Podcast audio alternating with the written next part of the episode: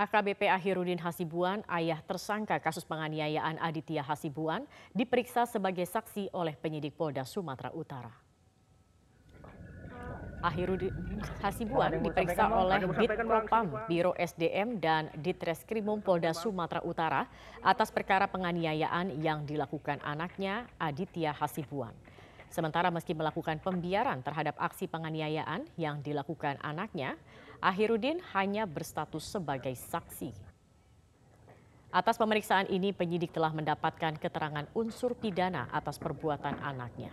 Tersangka Aditya terancam hukuman penjara selama lima tahun.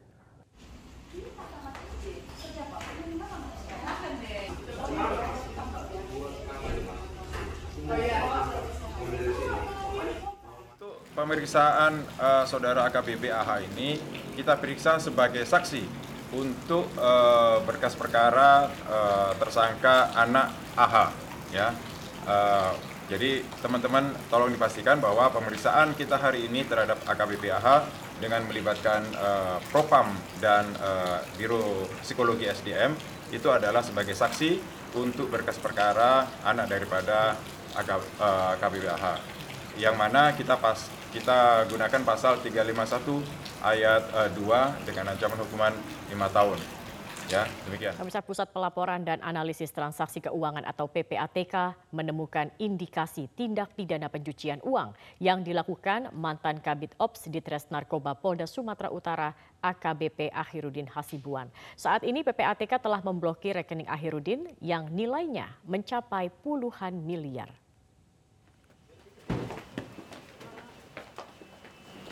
PPATK mengungkapkan sejauh ini ada dua rekening yang diblokir, yaitu rekening milik Akhirudin dan anaknya Aditya Hasibuan.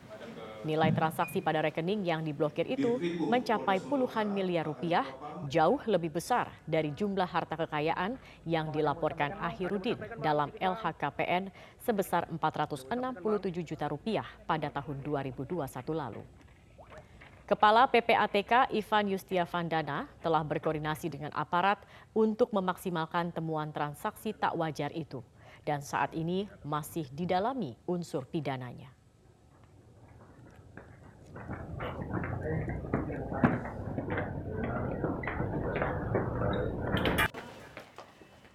Sementara itu, Komisi Pemberantasan Korupsi atau KPK akan memeriksa AKBP Akhirudin Hasibuan terkait laporan harta kekayaan penyelenggara negara LHKPN milik Akhirudin yang dinilai tidak wajar.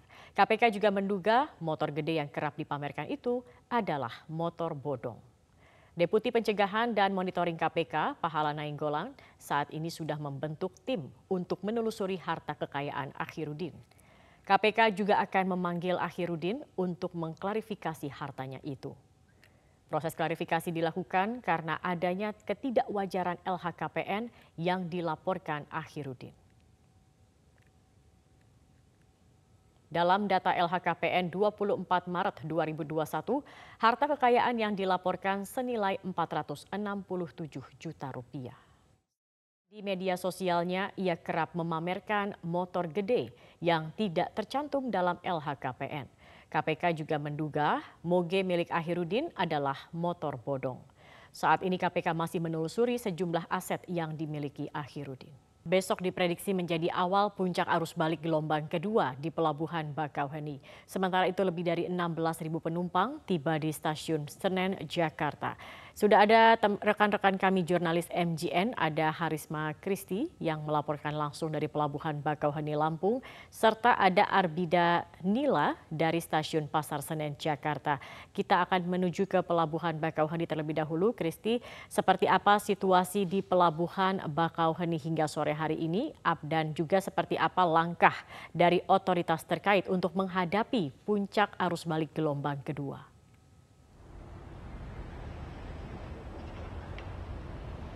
Iya, Zakia, selamat sore ya juga selamat sore juga pemirsa. Pantauan kami pada sore hari ini memang dibandingkan hari-hari sebelumnya ini jauh lebih padat pemirsa. Yakni di dermaga eksekutif ini kantung-kantung parkir terisi penuh begitu juga di dermaga reguler walaupun tidak sepadat dermaga eksekutif. Kami juga melihat untuk kantung parkir di dermaga eksekutif ada beberapa kantung parkir yang digunakan untuk menampung kendaraan yang akan masuk ke kapal ekspres. Dan kami juga dapat informasikan untuk saat ini ada 39 kapal yang dioperasikan dan masih mendominasi yakni kendaraan roda 4 untuk di Pelabuhan Bakaheni sendiri. Saat tadi ada kunjungan dari Menhub dan juga Kakor Lantas di mana beliau mengatakan bahwa sinergi lintas sektor ini sangat diperlukan untuk kelancaran dan juga kenyamanan saat arus balik gelombang kedua yang diprediksi akan terjadi pada akhir pekan nanti pemirsa. Dan Menhub dan juga Dirut ASDP ini sempat memaparkan bahwa sebanyak 50 persen pemudik belum kembali ke Pulau Jawa. Artinya masih ada 50 persen lagi pemudik ini yang belum kembali ke Pulau Jawa dan artinya mereka akan kembali kemungkinan pada arus balik eh, gelombang kedua nanti.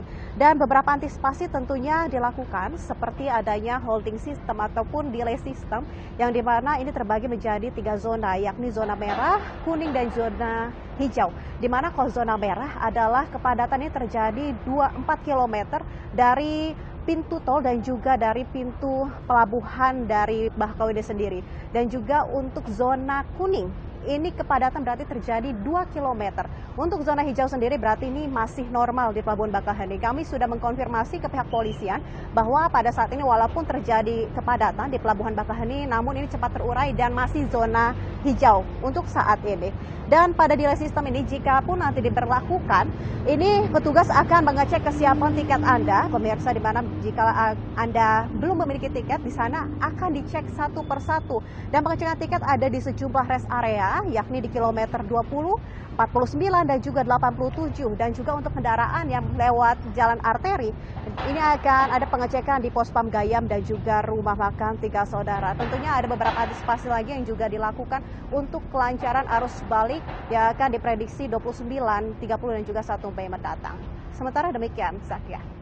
Baik, Karisma Krisi, terima kasih atas laporannya. Kita akan menuju ke stasiun Pasar Senen. Sudah ada Arbida Dono Semito di sana. Arbida, seperti apa kondisi terkini arus balik di stasiun Pasar Senen jelang prediksi puncak arus balik gelombang kedua pada esok hari?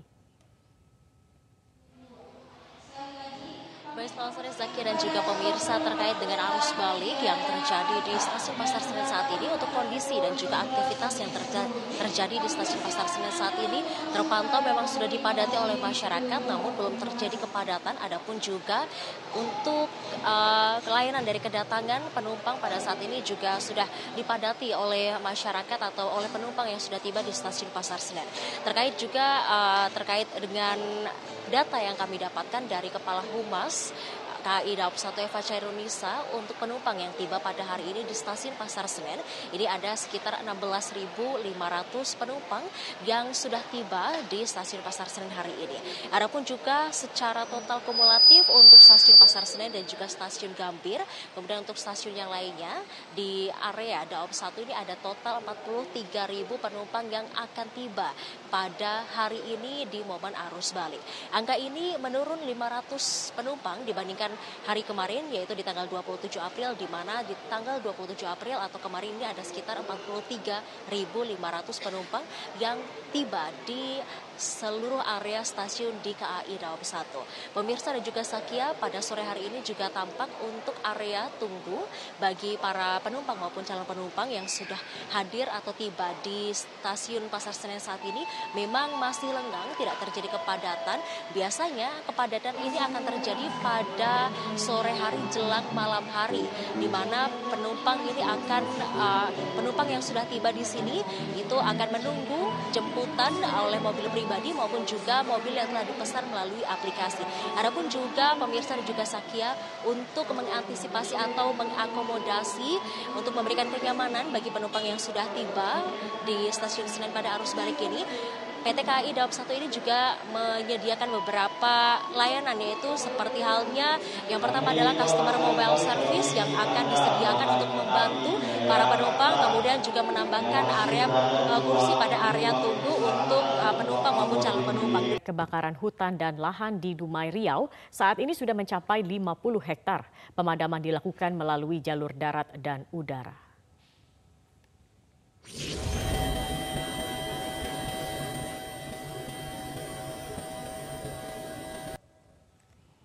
Kebakaran hutan dan lahan hingga kini belum juga berhasil dipadamkan.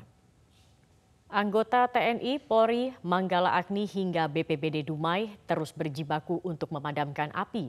Namun mereka kesulitan karena peralatan dan sumber air untuk memadamkan api. Sementara lahan yang terbakar merupakan lahan gambut yang sulit dipadamkan karena api merambat dari bawah permukaan tanah. Diperkirakan sudah 50 hektar hutan dan lahan yang terbakar selama lebih dari sepekan ini. Titik api terluas ditemukan di Kelurahan Pelintung, Kecamatan Medan Kampai. Akibat kebakaran hutan dan lahat, maksud kami lahan, kabut asap menyelimuti kota Dumai dan mengganggu aktivitas warga karena jarak pandang yang terbatas. Polusi udara yang mengganggu kesehatan meluas hingga ke daerah tetangga Kabupaten Bengkalis dan Rokan Hilir.